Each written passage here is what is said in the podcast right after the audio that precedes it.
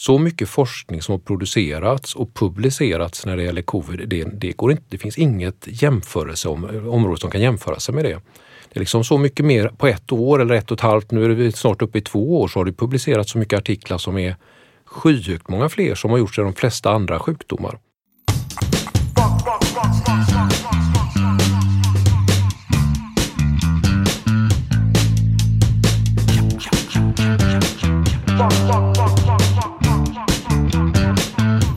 Hej! Akademiliv är tillbaka. Vi spelar in det här samtalet om covid-19 måndagen den 25 oktober. Och det här är en podd från Sahlgrenska akademin som är den medicinska fakulteten vid Göteborgs universitet. Idag med mig Elin Lindström. Och med mig Margareta Gustafsson Kubiste. Elin och jag är båda kommunikatörer vid Sahlgrenska akademin. Gäst idag Magnus Gisslén, eh, professor i infektionsmedicin och ansvarig för stora delar av den kliniska forskningen om covid-19 vid Göteborgs universitet. Välkommen till podden. Tack så mycket. Eh, vi tänkte börja och prata med en sak, om en sak som är aktuell nu. Det handlar om antivirala läkemedel och hur man ska förhindra att folk blir för dåliga när de får covid. Kan du berätta lite om det?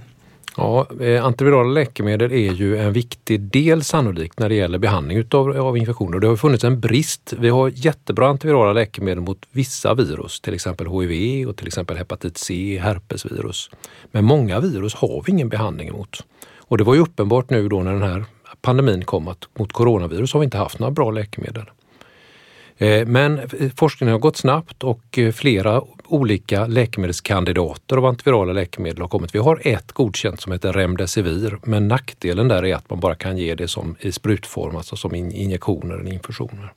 Vilket gör att det inte går att ge tidigt och för antiviral behandling vid covid så måste behandlingen in tidigt. Några dagar efter de första symptomen, det är ju då innan man har blivit svårt sjuk eller behöver sjukhusvård. Och då behöver det, för att det ska funka bra, ges som tabletter. Och där har vi nu då ett läkemedel faktiskt som är, har gått in för, till Europeiska läkemedels, läkemedelsmyndigheten EMA för prövning för om det ska kunna bli godkänt och det heter Molnupiravir. Och det är ett antiviralt läkemedel som preliminärt har visat väldigt goda resultat när man ger det tidigt inom fem dagar från, från första symptomen. Du är med i den här forskningen och driver en av sajterna som det heter i detta. Hur, eh, hur bra är det? Ja, det, eh, de preliminära resultaten, man avbröt ju den studien, den stora fas 3-studien som internationellt har gått stora delar av världen och där Sverige har varit med som, som en del och Göteborg som, som en sajt här. Eh, och preliminärt då när man avbröt den här så var ju effekten god. Man kunde minska risken för sjukhusvård eller död med, med 50 procent, vilket är bra. Eh, eh, men, eh, och det är klart att då var det en delresultat vi har fått och resultatet från hela studien så långt, de har inte publicerats ännu så vi vet inte riktigt exakt hur bra det är men det ser väldigt lovande ut kan man säga. Finns det ett snabbspår i detta för att få ut läkemedlet? Ja, det har ju gjort det. Läkemedelsmyndigheterna både i USA och i Europa har jobbat extremt snabbt när det gäller covid-19. Det gäller vaccinerna och det gäller även nu då när det är med molnupiravir och antiviraler. Så man är snabbt på för att liksom göra en noggrann bedömning. Man gör inte så att man gör någon slarvigare bedömning utan exakt lika noggrann eh, bedömning som för andra läkemedel. Man, man gör det snabbare. Och förhoppningsvis kommer det gå fort också nu då med molnupiravir. Vi har fått ett litet stresstest på myndigheter och så vidare nu på grund av covid. Ja, det kan man säga och de har, det har ju verkligen fallit ut väl. Va? Det har ju gått extremt snabbt, både när det gäller eh, att få in ansökningar till Läkemedelsmyndigheten som ju normalt sett är en väldigt långdragen process och sen också bedömningarna på, på myndigheterna. Då. Pratar vi om ett läkemedel här som man kommer att kunna ta hemma när det gäller det här med att det kommer i tablettform och så?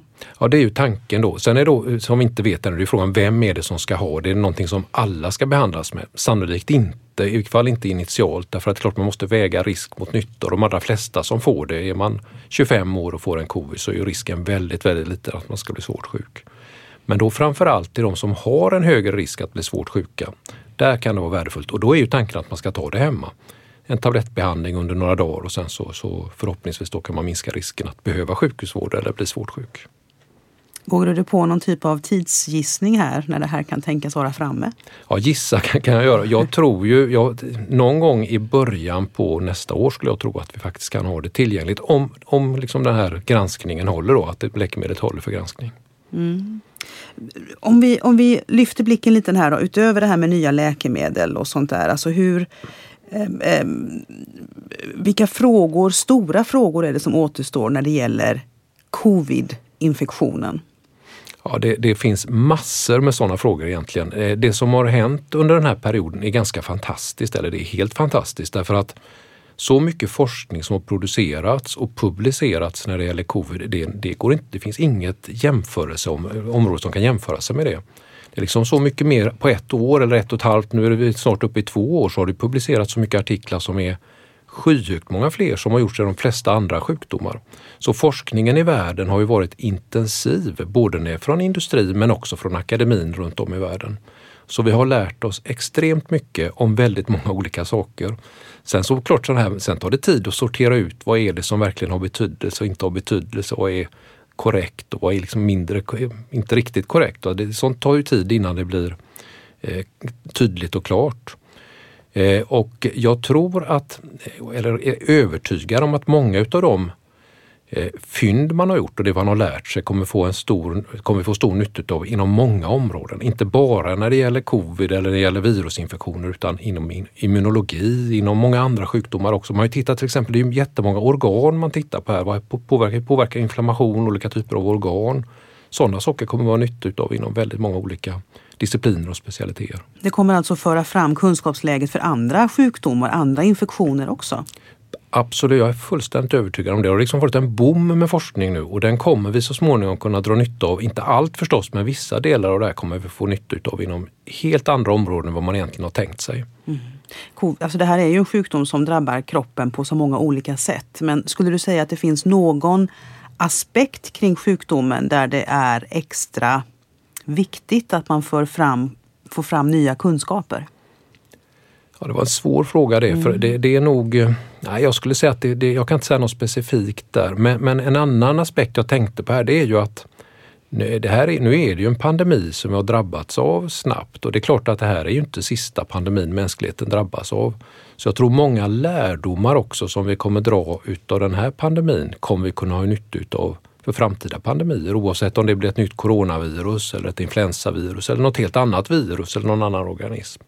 Så delar utav det kommer vi säkert ha nytta av både när det gäller epidemiologi och smittskydd men också läkemedelsbehandling. Och hur man, så att det är en viktig del faktiskt här också att vi har, man har glömt av på något sätt att pandemier drabbar oss på det där akuta sättet. Det var så länge sedan sist men nu har vi fått, verkligen fått en påminnelse om det och det tror jag att vi under en längre tid i varje fall kommer kunna komma ihåg. Mm. De stora volymerna forskning som har kommit och eh, lite grann också hur det har publicerats. Finns det några farhågor man kan ha kring det?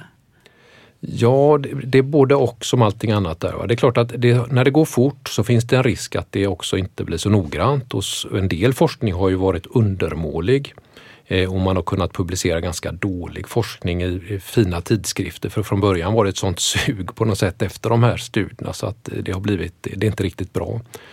Men det positiva med det också, det, det är ganska förhållandevis nytt inom eh, medicinska fältet, det är ju att man väldigt mycket, när en studie är klar så har väldigt många studier publicerats som preprints, alltså innan de är eh, granskade utav andra forskare. Fördelen med det är ju att eh, viktiga rön och viktiga nyheter kommer ut snabbt och blir offentliga snabbt. Annars är ju den här processen ofta väldigt lång. Det kan ju gå liksom ett år från att man skickar in ett arbete till att det verkligen kommer ut i tryck. Och här går det då egentligen bara på en dag. Nackdelen kan vara förstås att man kan få fynd som då inte riktigt håller, kan få en, liksom en felaktig bärkraft på detta sättet. Men, men i det stora hela så tror jag, jag positiv till att man faktiskt kan sprida de här och göra dem, göra dem öppna för alla så att man faktiskt ska kunna, kunna se vilken forskning som bedrivs och vilka resultat man har fått. Och det kommer att slå igenom på, på många områden tror du? eller? Ja, det, det tror jag absolut vi har fått, liksom, fått, in, fått in vanan med att göra på det här sättet nu. Då kommer man nog fortsätta med det för att det finns mycket positivt eh, och det finns mycket att vinna faktiskt med det. Så länge omgivningen är medveten om detta? Precis, och det är väldigt viktigt att man är, att man då är lite grann försiktig när det gäller den här typen av icke granskade resultat. Om vi tar och, och zoomar in lite här på Göteborg då. Eh, vad är det i stora drag för klinisk forskning som bedrivs här när det gäller covid? Kan du ge oss en, en övergripande bild? Ja, det kan jag. Det, det, finns ju, det är väldigt mycket forskning också på många olika kliniker. Vi har till exempel en hel del registerforskning. Vi har ju en, en stor liksom, kunskap och vana och eh, kompetens inom det området och där pågår mycket och det dessutom har det publicerats mycket. Eh, sen har vi då, för det är lite grann det när det kommer det här att man utnyttjar de styrkor man har. Vad är vi, har vår forskning varit bra på tidigare? Och vi har immunologin till exempel, där var en stark forskning. Eh, och det finns en hel del andra områden också. Vi har ju väldigt bra forskning när det gäller virusforskning i alltså virus påverkan på hjärnan och där har vi dragit nytta utav det vi på infektionskliniken har hållit på med väldigt mycket tidigare. Andra infektioner i hjärnan och med samarbete med både neurologer, neuroradiologer och med neurokem. Och det har vi fortsatt med och där har vi en, en stark forskning som pågår nu. Kan du berätta mer om det? Vad, vad, vad, vet vi när det gäller eh, hur det här viruset påverkar vår, vår hjärna? Ja, vi har lärt oss en hel del där och vi vet att när det gäller patienter som är svårt sjuka, som är så svårt sjuka att man behöver sjukhusvård, eh, särskilt de som är så svårt sjuka så de behöver intensivvård, där är det vanligt med symptom ifrån hjärnan. Många blir eh, förvirrade, man kan få eh, en hel del andra typer av symptom liksom på grund av att hjärnan är påverkad. Och det har vi sett. Och då är frågan, vad beror det där på? Beror det på att viruset infekterar celler i hjärnan eller beror det på någonting annat? Och då har vi i vår forskning sett att det är nog väldigt osannolikt att det faller in någon massiv infektion utav celler i hjärnan som påverkar som på, utav SARS-CoV-2, alltså viruset bakom covid-19. Eh, däremot ser man en väldigt kraftig inflammation. Det gör man ju i blodet. Man pratar ibland om sån här cytokinstorm när man blir svårt sjuk och det kan man även se i hjärnan och i eh, då, de ryggvätskan, likor, alltså som omger hjärnan, att man har en kraftig inflammation utav hjärnan som påverkar cellerna. Både nervceller men också en del stödjeceller hos de som är svårt sjuka. Det här ser vi väldigt sällan eller nästan inte alls om man inte är så svårt sjuk att man behöver sjukhusvård. Eh, en annan sak där som vi har sett och som också är lite glädjande på något sätt, va, det är att tittar man då på, även på de som har varit så svårt sjuka att man har en påverkan på hjärnan Följer man eh, de här personerna en 3 till 6 månader så har alla de här markörerna för påverkan på, på cellerna i hjärnan normaliserats. Det betyder att man liksom ingen långtgående fortsatt påverkan eller skada på hjärnan under lång tid.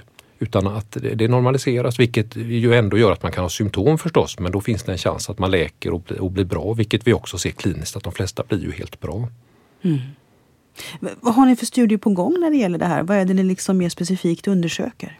Ja, nu, nu går vi lite djupare där. Nu har vi, hittills har vi tittat på ryggvätska, vi har tittat på blodprover för markörer och de kliniska parametrarna. Men nu vill vi verkligen titta på djupet.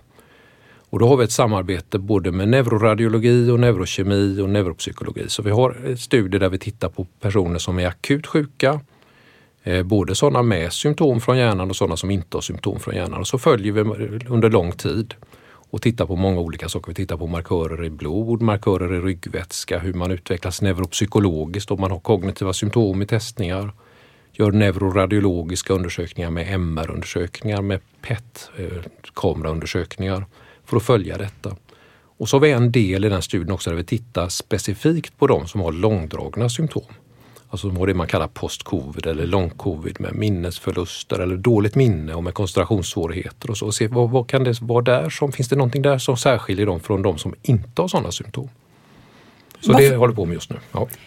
Tidsaspekten där är ju intressant. Eh, för att det kan ju handla om att man är eh, kognitivt påverkad och tappar balans och vad det nu kan vara direkt efter en IVA-vård till exempel. Men alltså på riktigt lång sikt, vad, vad har du för tankar om det? Är det här någonting som, folk, som kan bli kroniskt? Ja, eh, det är en jättebra fråga där vi inte vet riktigt ännu. Men eh, det vi har sett och det som också är naturligt är att ju svårare sjuk man har varit desto vanligare är det med långdragna besvär och desto svårare är de besvären. Så klart, har man legat lång tid på IVA som många utav de covidpatienterna faktiskt har gjort. Det har inte varit, normalt sett är det ganska korta vårdtider på IVA men här har det varit veckovis. Man har legat nedsövd i respirator och varit jättedålig. Det är klart att det påverkar hela kroppen och också hjärnan. Eh, och en, de allra flesta, även utav de som har, liksom har haft en sån svår sjukdom, blir faktiskt helt bra. Det ska man komma ihåg. Men det finns enstaka som har kvar symptom under lång tid och det kan säkert vara så att det kan vara riktigt lång tid och det kan handla om år. Eh, men sen är det också en del utav de som har varit lite mindre, alltså lite mindre allvarligt sjuka som också kan utveckla den typen av symptom. Kanske inte lika allvarliga men ändå man kan ha det. Och där är det, jag tror personligen och det är min erfarenhet är att de, även de som har symptom kanske efter sex månader har svårt att koncentrera sig, det vi brukar kalla hjärndimma kallas det lite grann, att man har svårt att få det att funka riktigt. Så blir man bra. Med rehabilitering, en del behöver mycket rehabilitering, andra behöver bara liksom komma igång och klara det själva. Men de allra flesta blir bättre och jag tror att de flesta kommer bli bra. Det finns säkert undantag men i det stora hela så är, så är det nog så att de flesta blir bra. Mm. Ehm, du ansvarar för en eh, stor biobank som finns här i, i Göteborg. Det finns liknande biobankar på andra, vid andra, andra universitet också ska man säga. Men du ansvarar för den som finns hos oss. Eh, och där finns det då en stor mängd prover från patienter med covid-19 som man har samlat in i jättestora frysar. Kan du berätta om detta? Ja, biobanksforskning är ju en väldigt, det, det är ett bra sätt att göra forskning. om man har samlat prover och samtidigt har en full kontroll på vilka patienter, alltså de kliniska parametrarna på de patienter som man har samlat prover på, att man har den kopplingen, så kan man göra väldigt mycket bra forskning. Och det vi gjorde och som man även gjorde på, på många andra universitet, då, det var ju att redan från början, de första patienterna kom, så började vi spara prover i frysar. Och sen har vi då följt patienter och vi fortsätter följa dem under längre tid. Och det är med både de som har varit väldigt svårt sjuka, behövt intensivvård, men även de som är mildare sjukdom, behövt sjukhusvård men inte IVA och sådana som inte har behövt sjukhusvård. Och så följer vi liksom successivt och både innan vaccination och sen när man blivit vaccinerad efter vaccination. Och då finns ju möjligheterna, finns proverna och vi har den kliniska så att säga, korrelaten med kopplingen till, till kliniken så kan man göra jättemycket forskning och där är ju, vi har ju startat många olika typer av samarbeten både i Sverige men också internationellt där vi använder vår biobank för att kunna ja, få svar på olika typer av frågor. Vilka forskare är det som använder den här biobanken? Är det bara GU-forskare eller är det andra också? Nej, vi har samarbete både med forskare i Uppsala, i Stockholm, vi har det med andra länder. Vi har både Holland, Storbritannien, USA så att det är, finns eh, mycket samarbeten där vi också samlar. Jag menar, det finns ju biobanker i andra länder också men vi har eh, samarbeten är ofta väldigt bra. Man har olika ingång, man har olika kompetenser så den där typen av samarbeten ger ofta mycket. Vad tänker du om potentialen med den här biobanken eh, framåt sett? Nej, jag, överhuvudtaget det här med att samla prover, så för klinisk forskning så är det enormt bra. Och vi har ju gjort det med många andra sjukdomar också och det har ju visat sig oerhört framgångsrikt. Eh, det jag har jobbat med tidigare det handlar om HIV och HIV i hjärnan och vi har ju samlat långt innan jag började med det egentligen. Så mina företrädare, framförallt Lars Hagberg, började samla redan när HIV-epidemin började. Och nu har vi nog världens största biobank när det gäller likvår, alltså ryggvätska för HIV i världen hos patienter som inte är i varje fall så svårt sjuka i nervsystemet. Så att, och där har vi haft en enorm nytta av det. All den forskning vi gör nu den bygger på den här biobanken. Utan den hade vi stått oss slätt. Det hade inte varit någon vidare forskning. Så biobanker är jätteviktiga för klinisk forskning. Hur går det nu? Du pratar om din HIV-forskning och nu har det nästan bara varit covid för hela slanten. Den här avvägningen och vad händer för din egen del? Eh, ja, både för mig och för egentligen nästan alla andra forskare i världen så kopplar man ju över till covid. När klinikerna fylldes bara med covid-patienter och vi inte hade några andra patienter så blev det det. Plus att det är klart att det här var ett problem som behövde lösas akut.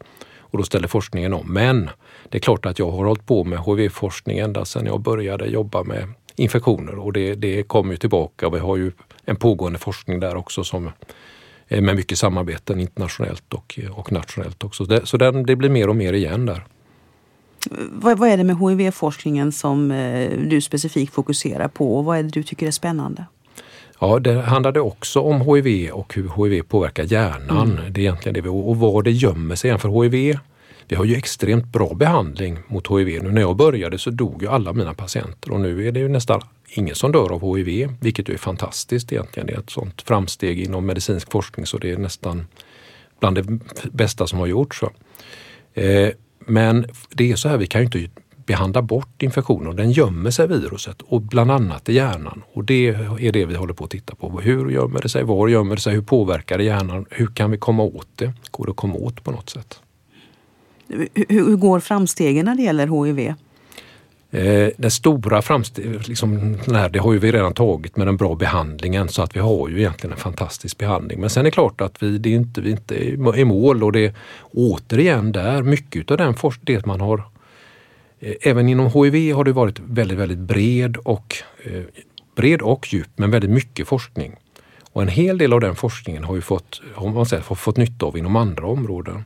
Till exempel är ju en hel del av den nya cancerforskningen har sitt ursprung i HIV-forskning från början och som har kunnat transferera det och, och egentligen fram och tillbaka. Va? Så att det är just det där att en forskning som man inte riktigt tänker sig ska ha nytta för ett annat område plötsligt får det.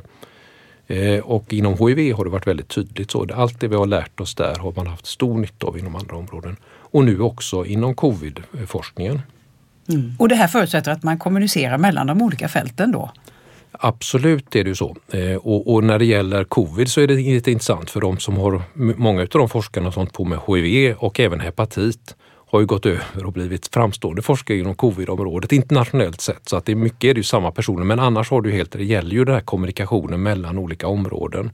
Hur viktigt det där är med liksom translationell forskning, att man har immunologer, man har cancerforskare och att man lär sig av varandra. Eh, där har vi ju det, liksom, många gånger missar man det men det finns väldigt mycket faktiskt som man kan ha nytta av genom att bli lite bredare. Har, har det hänt saker på det området också, just det här med hur man kommunicerar världen över mellan varandra när det gäller just coviden? Ja, det, det, det, har det faktiskt och jag tror ju mycket av den här öppenheten i forskningen, att man snabbt sprider resultat och man har haft konferenser där man på något sätt ganska förutsättningslöst diskuterar saker och ting med varandra. Jag har varit konferenser, jag har varit med många gånger på NIH i USA till exempel, där man har samlat personer med olika erfarenheter och utan att vara liksom så uppstyrt har man kunnat diskutera, vilket har varit väldigt, väldigt framgångsrikt. Finns det andra exempel på hur, hur, eh, kommunikationen kring forskning har spridits annorlunda under covid eller att man har liksom växlat upp när det gäller det? Mm. Eh, det har ju varit uppenbart att just att kommunicera ny kunskap och kommunicera också för oss kliniker hur man behandlar patienter och hur det ser ut i olika delar utav landet om vi tar det nationellt nu har varit väldigt viktigt.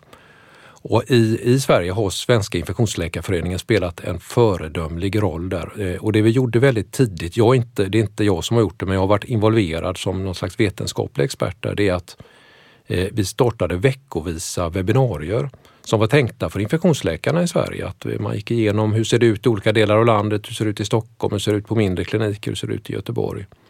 Eh, och vad har hänt vetenskapligt under den här senaste veckan? För vi började att göra det varje vecka på fredagskvällar.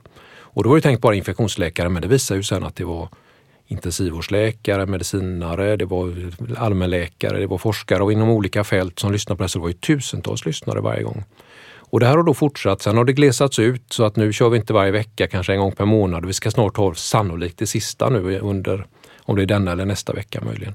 Men det har varit ett jättebra sätt att kommunicera, både för kliniker, hur, liksom för att lära oss av varandra men också för att kunna förmedla vetenskap. Hur ser de senaste studierna ut? Vad visar de? Och så diskutera dem. Är det någonting vi kan implementera i vår sjukvård eller ska vi inte göra det? Eller vad ska vi? Så, så det där har varit ett väldigt bra sätt som jag tror man kan använda för många olika andra områden också.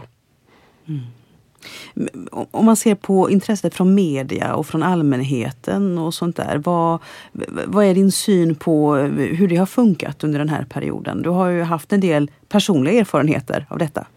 Ja, det har ju varit enormt intresse eh, och jag vet inte hur mycket kontakter med media jag har haft och hur mycket förfrågningar jag har fått. Men samtidigt ska jag säga att det har ju varit en Eh, jag är positivt, jag ska inte säga överraskad, men det, men det har varit väldigt positivt för att oerhört många journalister är både intresserade men också väldigt kunniga och eh, liksom vill lära sig mer och jag tycker det samarbetet har varit väldigt, väldigt bra. Det skrivs bra, det görs mycket bra radioprogram, det görs annat bra. Det finns liksom en väldigt stor kunskap tycker jag i journalistkåren när det gäller det.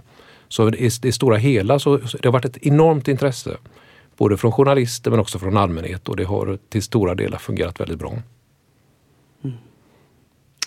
Eh, läget just nu, låg smittspridning här i, i Sverige. Hur, eh, om du får gissa, hur, hur, hur, tror du, vilken utveckling kommer vi att se framåt här när det gäller eh, covid?